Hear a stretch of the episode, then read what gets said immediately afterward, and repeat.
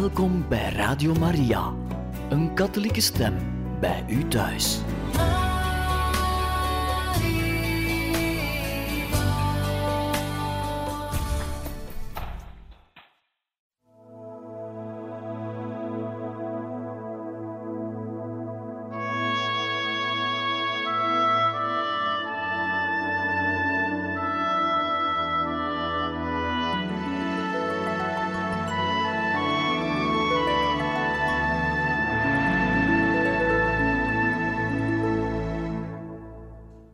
Beste luisteraars van Radio Maria. We lezen verder in dit programma uit het boek Het leven van de heilige zuster Faustina. We zijn nog altijd in hoofdstuk 6, een jaar vol verandering, het jaar 1936, en we komen stilaan aan het einde van dit jaar. we zijn gekomen aan het onderwerp haar werk en zending. Jezus bleef zijn geliefde dochter in de afzondering waarin hij haar gebracht had, onderwijzen. Hij vergunde het haar onbegrijpelijke geheimenissen te doorgronden. Ze schreef: Er is een geheimenis dat mij met de Heer verenigt en waarvan niemand mag weten, zelfs de engelen niet. Zelfs al zou ik het willen vertellen, dan zou ik nog niet weten hoe ik het onder woorden zou moeten brengen. Toch leef ik erdoor en zal er voor altijd door leven. Dit geheimenis onderscheidt me van ieder ander mens hier op aarde en in de eeuwigheid. Daarna schreef ze als in vervoering over de dag van haar dood. O stralende en heldere dag, waarop al mijn dromen in vervulling zullen gaan. O dag waarnaar ik zo vurig verlangd heb, de laatste dag van mijn leven.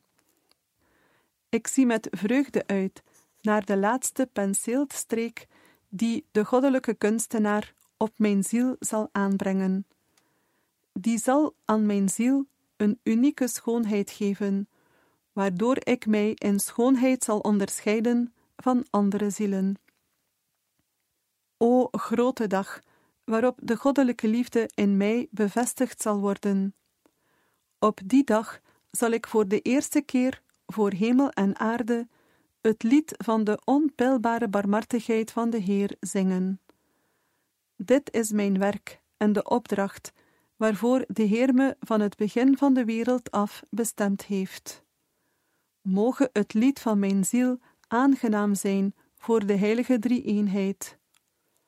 Wilt u, O Geest van God, mijn ziel zelf leiden en vormen. Ik wapen mezelf met geduld en wacht op uw komst, o barmhartige God.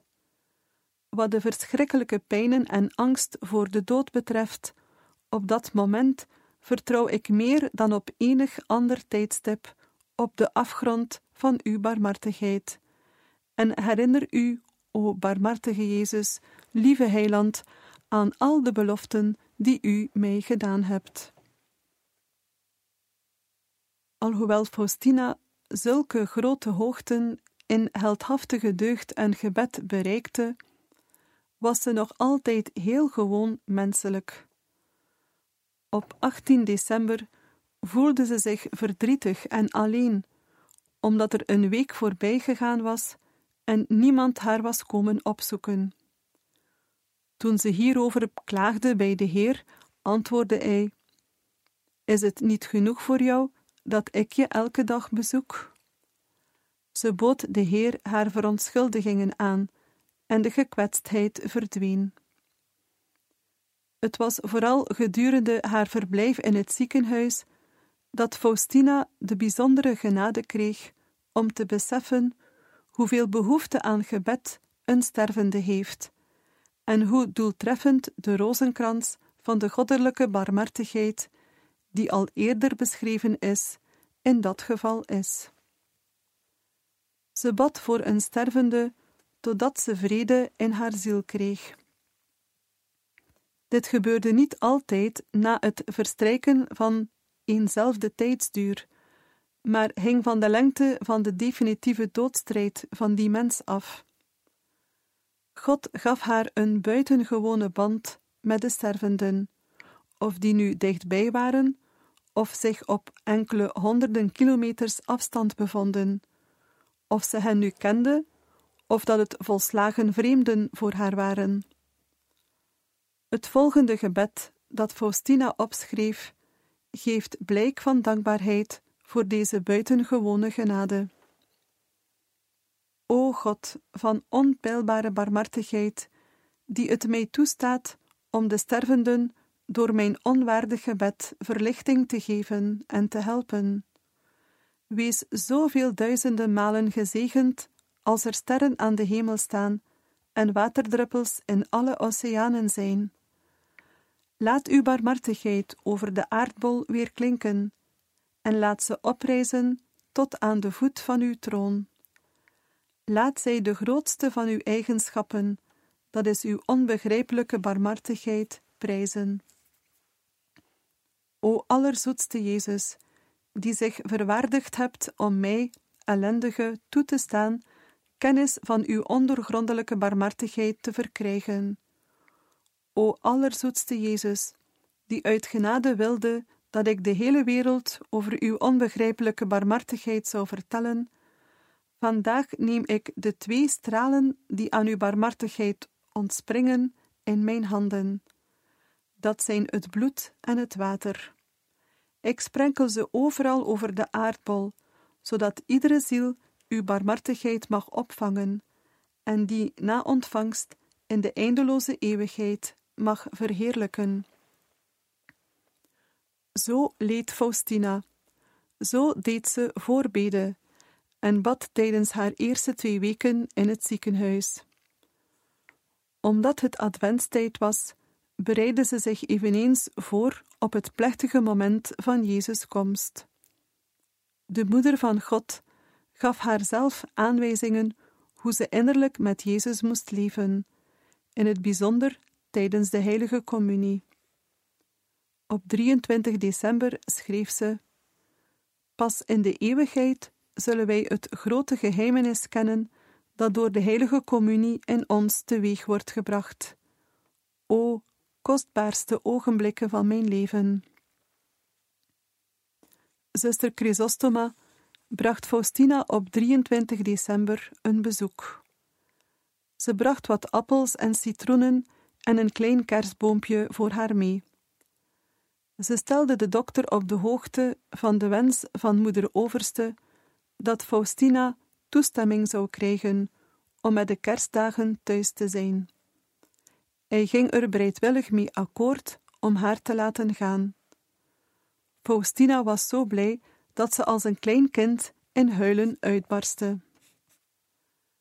Zuster Chrysostoma verbaasde zich over de verandering die ze in Faustina waarnam. Weet je, kleine Faustina, zei ze, misschien zul je wel sterven. Je moet vast heel veel lijden, zuster. Faustina gaf bescheiden ten antwoord dat ze die dag meer leed dan op andere dagen, maar dat het niets te betekenen had. Voor de redding van zielen was het niet te veel. De volgende middag kwam zuster Cachetana om haar mee terug naar het klooster te nemen voor de feestdagen. Zelfs de terugrit naar huis verbrak haar inwendige beschouwing niet.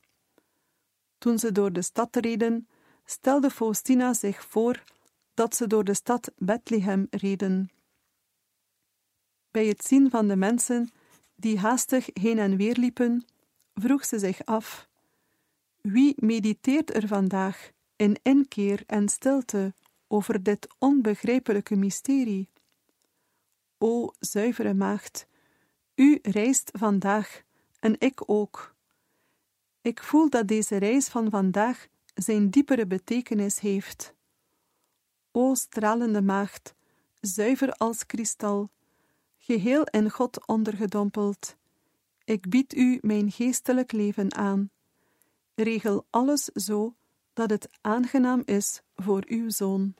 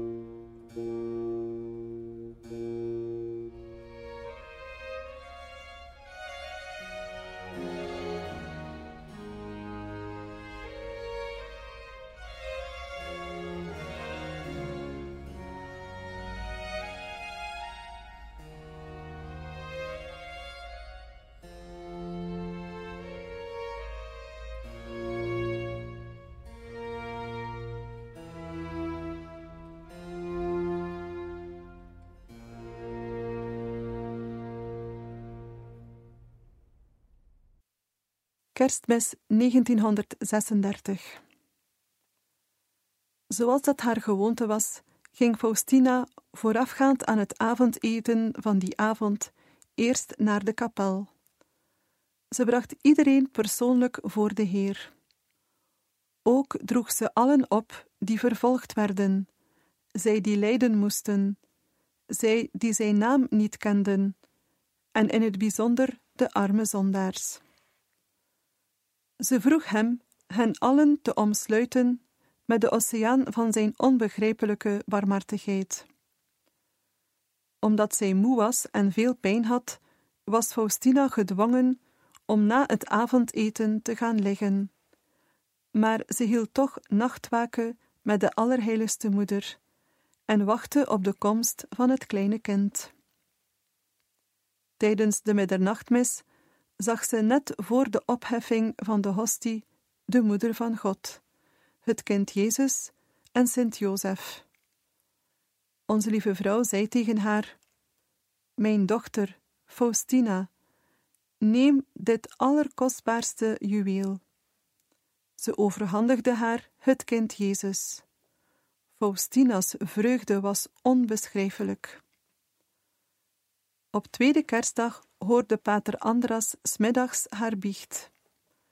Ze stelde hem vragen over het werk dat Jezus aan haar toevertrouwd had, namelijk het stichten van de congregatie. Op sommige van haar vragen gaf de pater geen antwoord. In plaats daarvan gaf hij haar de raad om eerst beter te worden en ondertussen goed gebruik te maken van de genaden die God haar gaf. Haar boete bestond uit het bidden van de rozenkrans die Jezus haar geleerd had.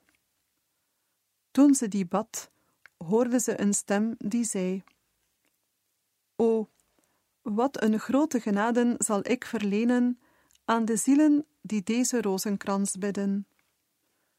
De diepste diepten van mijn tedere barmhartigheid worden opgewekt omwille van degenen die de rozenkrans bidden. Schrijf deze woorden op, mijn dochter. Spreek tot de wereld over mijn barmhartigheid. Laat de hele mensheid mijn onpeilbare barmhartigheid erkennen. Het is een teken voor het einde der tijden. Daarna zal de dag van de gerechtigheid komen. Laat hen de toevlucht nemen tot de fontein van mijn barmhartigheid, terwijl er nog tijd is. Laat hen baat hebben bij het bloed en water dat voor hen stroomde. Hier voegde Faustina aan toe: O mensenzielen, waar zullen jullie je op de dag van Gods toren verbergen? Zoek nu een schuilplaats in de fontein van Gods barmhartigheid. O, wat zie ik een grote menigte zielen! Ze aanbidden de goddelijke barmhartigheid en zullen in alle eeuwigheid een loflied zingen. De heerlijkheid van het werk van de barmhartigheid. Op 27 december bracht zuster Damiana Faustina met de auto terug naar het sanatorium. Haar verlangen naar God dat tijdens de feestdagen gegroeid was, was niet gestild, maar eerder groter geworden. Als de naam van Jezus maar genoemd werd, sprong haar geest op tot God. De volgende dag begon Faustina een noveen tot de goddelijke barmhartigheid ter intentie van de aartsbisschop van Vilnius en pater Sopocco.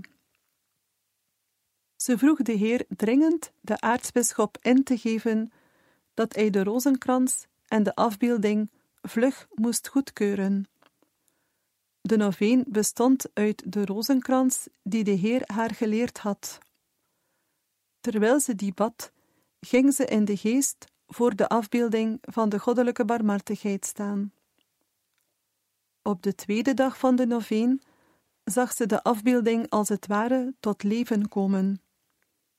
De afbeelding was versierd met talloze devotielampjes. Ze zag er grote menigten mensen naartoe gaan en veel mensen werden met geluk vervuld. Na de heilige communie hoorde Faustina een stem in haar ziel. Mijn dochter, wees gereed, want ik zal onverwachts komen. Ze zei: Jezus, wilt u mij het uur waarnaar ik met zo'n groot verlangen uitzie niet vertellen? Mijn dochter, het is voor je eigen bestwil. Je zult het uur vernemen, maar nu niet. Wees waakzaam. O Jezus, riep ze uit, doe met mij zoals u wilt. Ik weet dat u de barmhartige redder bent, en u zult op het uur van de dood niet veranderen tegenover mij. Als u mij bij deze gelegenheid zoveel bijzondere liefde betoont, en u zich verwaardigt om u op zo'n innige manier en met zo'n grote vriendelijkheid met mij te verenigen, verwacht ik zelfs meer op het uur van mijn dood. Dus kom zoals u wilt en wanneer u wilt. Vader van oneindige barmhartigheid, ik, uw kind, zie hunkerend uit naar uw komst. Tijdens haar maandelijkse recollectie op 30 december overpeinsde Faustina de weldaden die God het hele jaar 1936 zo kwistig over haar had uitgestort. Een heel uur lang bleef ze in aanbidding en dankzegging verzonken. Alles wat er dit jaar gebeurd is, is in de afgrond van de eeuwigheid terechtgekomen, dacht ze. Er is niets verloren gegaan. Ik ben blij dat er niets verloren gaat. Op oudejaarsavond 1936 wijde Faustina haar gebed aan verzoeken ten behoeve van haar ouders en familieleden, haar generaal-overste, de hele congregatie, de meisjes die ze onder hun hoede hadden en de drie priesters waar ze veel aan te danken had. Toen bood ze de hele wereld in zijn lengte en breedte aan God aan. Ze dankte de ondoorgrondelijke barmhartigheid van God voor alle genaden die aan mensen gegeven waren, en smeekte om vergeving voor alles waardoor men hem had beledigd. Om middernacht zei Faustina het oude jaar vaarwel. In het eerste uur van het jaar 1937 kreeg ze met vrees en beven een voorgevoel van wat haar in dit nieuwe tijdsbestek te wachten stond. Ze bad: Barmhartige Jezus, met u begeef ik mij moedig en dapper in strijd en gevechten. In uw naam zal ik alles volbrengen en alles overwinnen. Mijn God, oneindige goedheid, ik smeek u, laat uw oneindige barmhartigheid mij altijd en in alle dingen vergezellen. In deze tijd van gebed leidde Jezus haar uit haar angst. Hij liet haar de grote eer zien die het werk van de barmhartigheid hem zou brengen. Deze ervaring zette haar ertoe aan om te schrijven: Er zijn tijden in het leven waarop de ziel alleen troost vindt in diep gebed. Ik wilde wel dat de zielen wisten hoe ze op zulke tijden in het gebed kunnen volharden. Dit is erg belangrijk.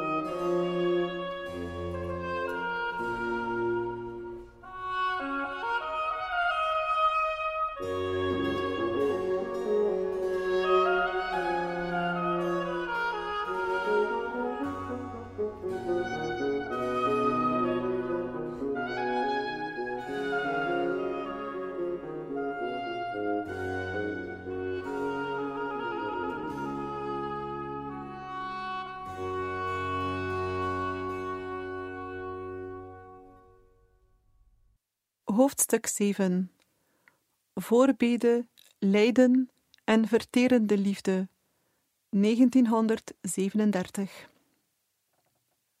Faustina nam zich voor het jaar 1937 opnieuw voor zich met de barmhartige Christus te verenigen.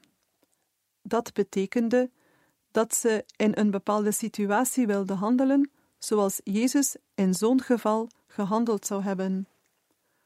Bovendien wilde ze in de geest de hele wereld, en daarvan Rusland en Spanje in het bijzonder, omvatten. Ze schreef dertien voornemens op voor het nieuwe jaar. Deze voornemens gaven blijk van haar vastberadenheid om standvastig vorderingen te blijven maken op de weg naar de volmaaktheid. Ze stond het zichzelf niet toe in de ziekte een excuus te vinden om er niet naar te hoeven streven de voornemens ten uitvoer te brengen. De tweede dag van januari, wanneer het feest van de zoete naam Jezus gevierd wordt, was een buitengewoon belangrijke dag voor Faustina. De vele bijzondere genaden die ze die dag ontvangen had, kwamen in haar herinnering. Zo had ze bijvoorbeeld in 1934 op die dag haar eerste bezoek gebracht aan de kunstschilder die de afbeelding zou schilderen.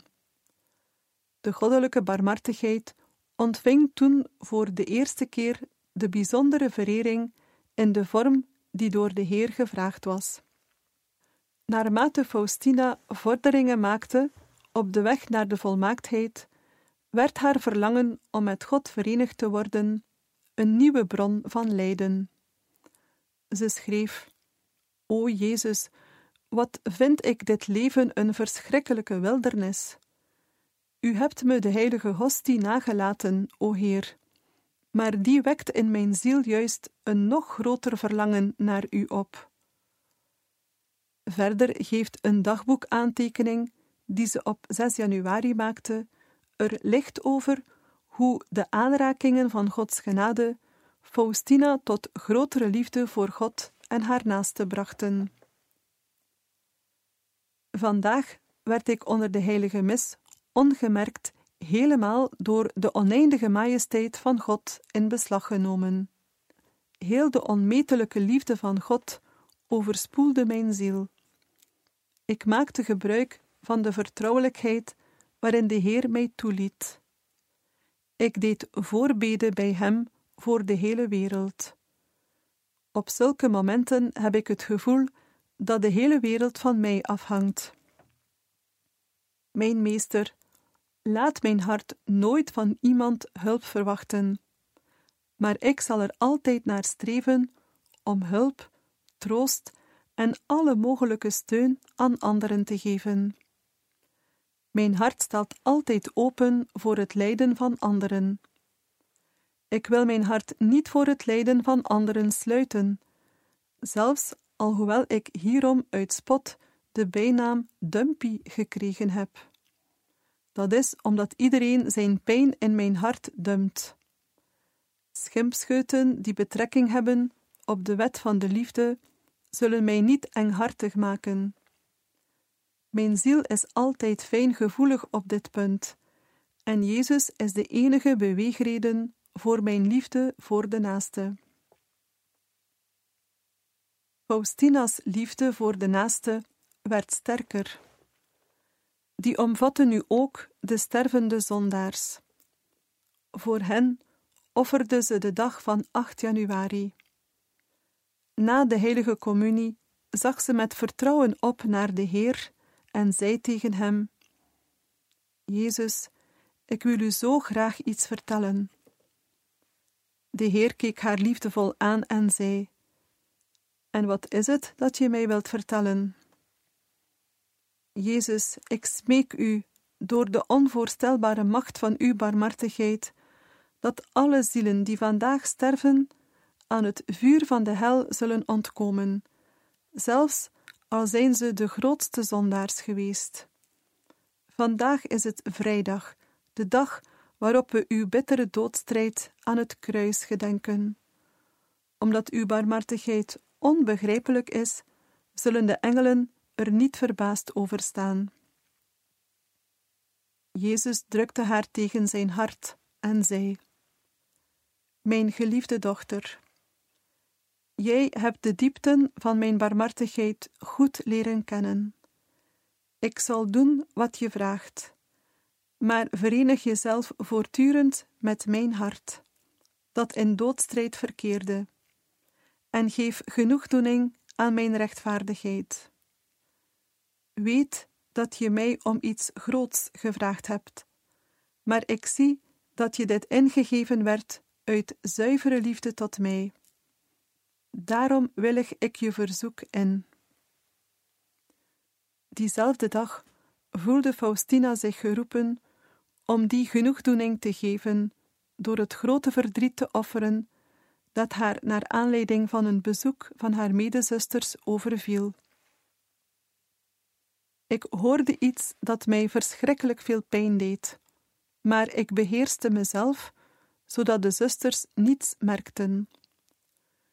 Gedurende enige tijd werd mijn hart door pijn verscheurd, maar dat gebeurt allemaal ter wille van arme zondaars.